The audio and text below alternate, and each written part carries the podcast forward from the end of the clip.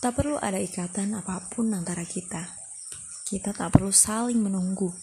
Kita hanya perlu belajar untuk saling melepaskan dan menerima ketentuannya.